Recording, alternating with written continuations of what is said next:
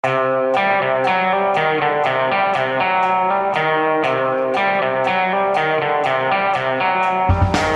norske OL-medaljene hentes hjem i Tokyo, men alle de norske gullvinnerne er menn. Og på Facebook så har en imam i Drammen skrevet antisemittiske innlegg, og nå er han politianmeldt. Velkommen til Mæland og gjengen. Jeg heter Astrid Mæland, er bare en de fant på Adecco da Anders Giæver gikk ut i ferie i sommer. Neste uke så kommer han tilbake. Det er torsdag 5. august, og som vanlig er det i Japan det skjer. Vi starta i Tokyo, hvor vi har med oss vår gode kollega og kommentator Leif Welhaven. Og Leif, du er vel between jobs, som det heter, nå som vi snakka med deg, for det er mye som skjer eh, og fram og tilbake i OL i dag. Ja, Det er en logistikk her som er litt vanskelig, og det tar tid å flytte seg fra A til B. Nå skal jeg snart på friidrett, og så er det sandvolleyball. Så det er, eh, det er, mange jern i ilden her. Men likevel så har du altså rukket å tært opp de her gullmedaljene og funnet ut at det er bare karer som vinner gullmedaljer i OL for Norge. Hvordan har det her seg? Ja, ikke bare gullmedaljer, men altså alle medaljer. Altså, så langt så har uh, har Norge hatt et relativt eh, godt OL, men det er altså et fellestrekk med de fem medaljene vi har vunnet. og Det er at de har vunnet av menn. Uh, nå har vi altså håndballjentene som skal spille semifinale uh, mot uh, Russland og etter all sannsynlighet ende med en medalje. Men altså, ser vi også litt tilbake til de siste OL-ene, så er på en måte håndballjentene blitt litt sånn unntaket som bekrefter reglene. Og den regelen er da tilfellet at det faktisk er menn som lykkes i OL for Norge, bortsett fra de som kaster ball. Og det er jo litt bekymringsfullt. Ja, er det noe med satsinga vår som er mangelfull fra ungdom og barn av? Er vi for dårlig på kvinnesida? Altså, det er vanskelig å være altfor kategorisk. Altså, nå skal det sies at Vi hadde en, altså en skytter uh, på, på kvinnesiden som ble veldig nær en uh, medalje. Uh, så jeg tror vi skal være litt for varsomme med å være altfor bombastiske. Men det er altså tredje OL på rad hvor det er på en måte håndballjentene vi må stole på for å redde medaljeæren på kvinnesiden. Også helt tilbake til 2008 så var det håndballjentene som tok gull. Da fikk vi noen kvinner som tok sølv og bronse riktignok. Men eh, det er kanskje noe med, altså, med bredden i grener vi lykkes på, altså på kvinnesiden som er litt bekymringsfull. og F.eks. i friidrett så ser vi altså nå ganske sånn stor forskjell mellom uh, suksessen på herresiden og, suksessen, uh, og mangel på sådan på damesiden. Jeg husker jo fra uh, yngre dager Trine Hattestad osv. at vi har hatt medaljevinnere på kvinnesiden òg. er det bedre i andre land? Altså, vi har hatt Grete Waitz, vi har hatt Ingrid Kristiansen og vi har hatt Trine Hattestad. Sånn, vi, har hatt, uh, vi har hatt flere andre også, så det har vært uh, bedre tider før. og det, tror, det, kan selvfølgelig være altså, veldig mye tilfeldigheter, men det er jo nå, så lenge det er såpass lenge mellom hvert OL, så begynner det å bli altså, en tidsperiode av et, av, altså, av et visst omfang, da, hvor det er en uh, kjønnsfordeling på sommersiden som i hvert fall er litt ujevn for øyeblikket. Hvor er det du ville ha sett uh, norske medaljer da, på kvinnesida? Hvor er det vi har uh, best muligheter? Nei, altså, hun, altså, Vi var jo fryktelig nær i skyting. Altså, det, var, måte, det, var milli, altså, det, var millimeter unna i, i, to forskjellige øvelser. Men det klart, så ser vi på hva som er stort i, altså, i, i uh, sommer-OL. Så har vi, måte, vi har sakka akterut i fotball, hvor, hvor, vi var gode. og Vi, vi savner også altså, at vi har de virkelige spissene i, i friidrett en utfordring til norske idrettsledere og trenere der, altså, med å få fram jentene.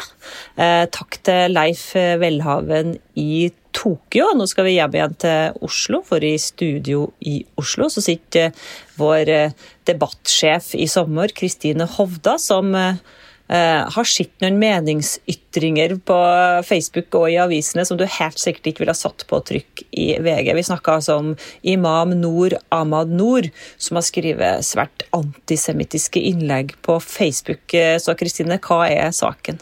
Nei, altså Det er da en drammenser som heter Hans Christian Holm, som 27.07 anmeldte eh, Drammensimamen Noor Ahmad for hatefulle ytringer og oppfordring til straffbare handlinger han siterer jo da på Facebook-sida si Nord, som skriver eh, og Nå beklager jeg for sterke, sterke ord her. Han skriver altså sitat Nord eh, Israel er djevelen som Hitler etterlot noen jøder, slik at verden kunne se at hvis de overlevde, ville menneskeheten være i fare for dem. Eh, og så, skriver, så siterer Holm også han eh, imamen fra 2019 eh, Hitler lot noen jøder være, slik at verden skulle se hvor undertrykkende folk de er, og hvorfor det var viktig å drepe dem. Du verden.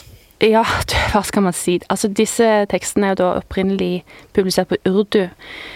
Um, og så er de blitt oversatt. Og han Holm har fulgt med, skrev han da på Nord en stund på Facebook. Og nå eh, i juli så, så, valgte han rett og slett å, å politianmelde Nord, da. Og det er jo ekstra pikant, fordi at eh, Nord sitter jo i eh, i, i, i, råd, altså interreligiøse råd, sammen med bl.a. en, en drammensprest som heter Ivar Flaten. Um, og de har jobba for interreligiøs dialog og forståelse i mange år i Drammen. Um, så hva gjør man da når, når, noen sier sånne ting? Hvor går grensen for hva man kan tolerere? Og Ivar Flaten han er jo da sitert uh, bl.a. i Vårt Land på at uh, han vil fortsette dialogen med Nord. Uh, det her er jo Det er, jo, det er vel antageligvis straffbare uttalelser, vil jeg tro. Og hvorfor vil du fortsette samarbeidet med noen som sier noe så forferdelig? Ja, altså han, eh, han sier da til, til, Vårt Land, han gjør Flaten, at eh, nå siterer jeg Vårt Land her. Teksten Nord har postet er uakseptabel og langt over streken. Men når vi gjør ting som er tilnærmet utilgivelige, gjelder det å holde på kontakten og fortsette et samarbeid som løfter oss i riktig retning, sier dialogprest Ivar Flaten nå til Vårt Land.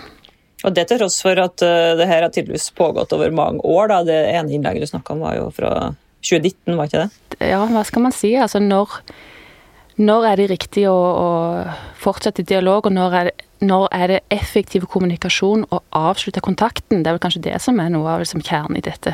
Opp gjennom åra syns jeg ofte jeg har sett eh, representanter fra sånne tverrreligiøse dialogsentre sånn, at de går med på det ene og det andre. Og jeg blir Det her er jo helt uakseptable uh, uttalelser. Det går ikke an å det går ikke an å snakke med noen som holder på å si sånne ting. Nå, han, nå skal man være korrekt og si at han har beklaget disse uttalelsene og trukket de tilbake og sletta Facebook-posten og sånn, men det er jo ikke veldig troverdig for en, for en, en religiøs leder som skal da drive dialog, at han sier sånne ting.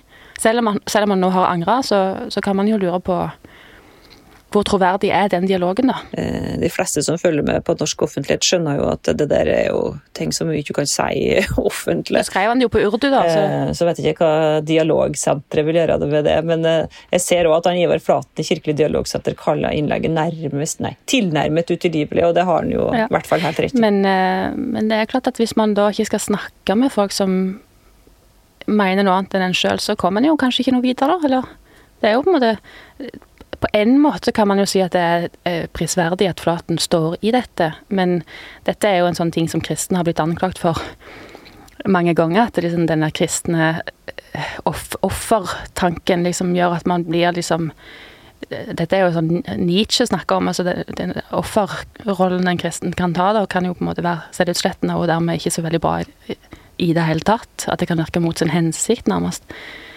Så dette er jo et spørsmål for teologer og kristne også. Hvor, hvordan skal man møte eh, ja, urett, og, og hvor, hvor, skal man liksom legge lista? Og hva er en effektiv strategi for å stoppe vold og, og hatefulle ytringer? Det, det må vi iallfall tenke godt gjennom i dag, tenker jeg. Det er jo ikke alt man kan ha dialog om. Om eh, det her så er det jo bare å si at det er et håpløst eh, utspill på Facebook. Eh, men her hjemme så kan vi òg merke at temperatur temperaturen er litt høyere. Valgkampen er i gang, og alle vil være med og krangle. Nå går òg Knut Arild Hareide i KrF ut mot Senterpartiets Ola Borten Moe. Han som i VG her om dagen sa at han vil ta penger fra byene for å bygge fylkesveier. Knut Arild Hareide han har lett fram kraftuttrykkene sine, og han kaller utspillet eh, som vi alle vet aldri kommer til å bli Nav, for et røvertokt mot byene. Og I Oslo så har Sylvi Listhaug innledet valgkampen nok en gang. I dag har hun tale til partiets toppkandidater på hotellet The Hub i Oslo.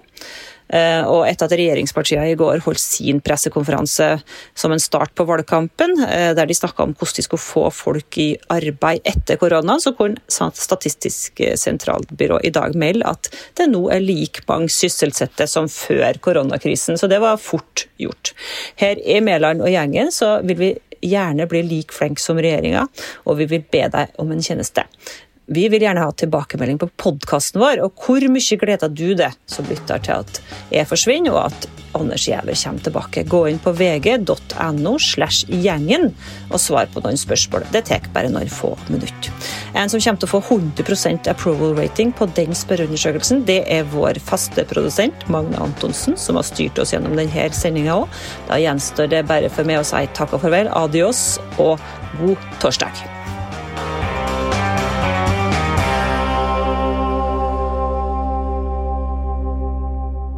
Du har hørt en podkast fra VG.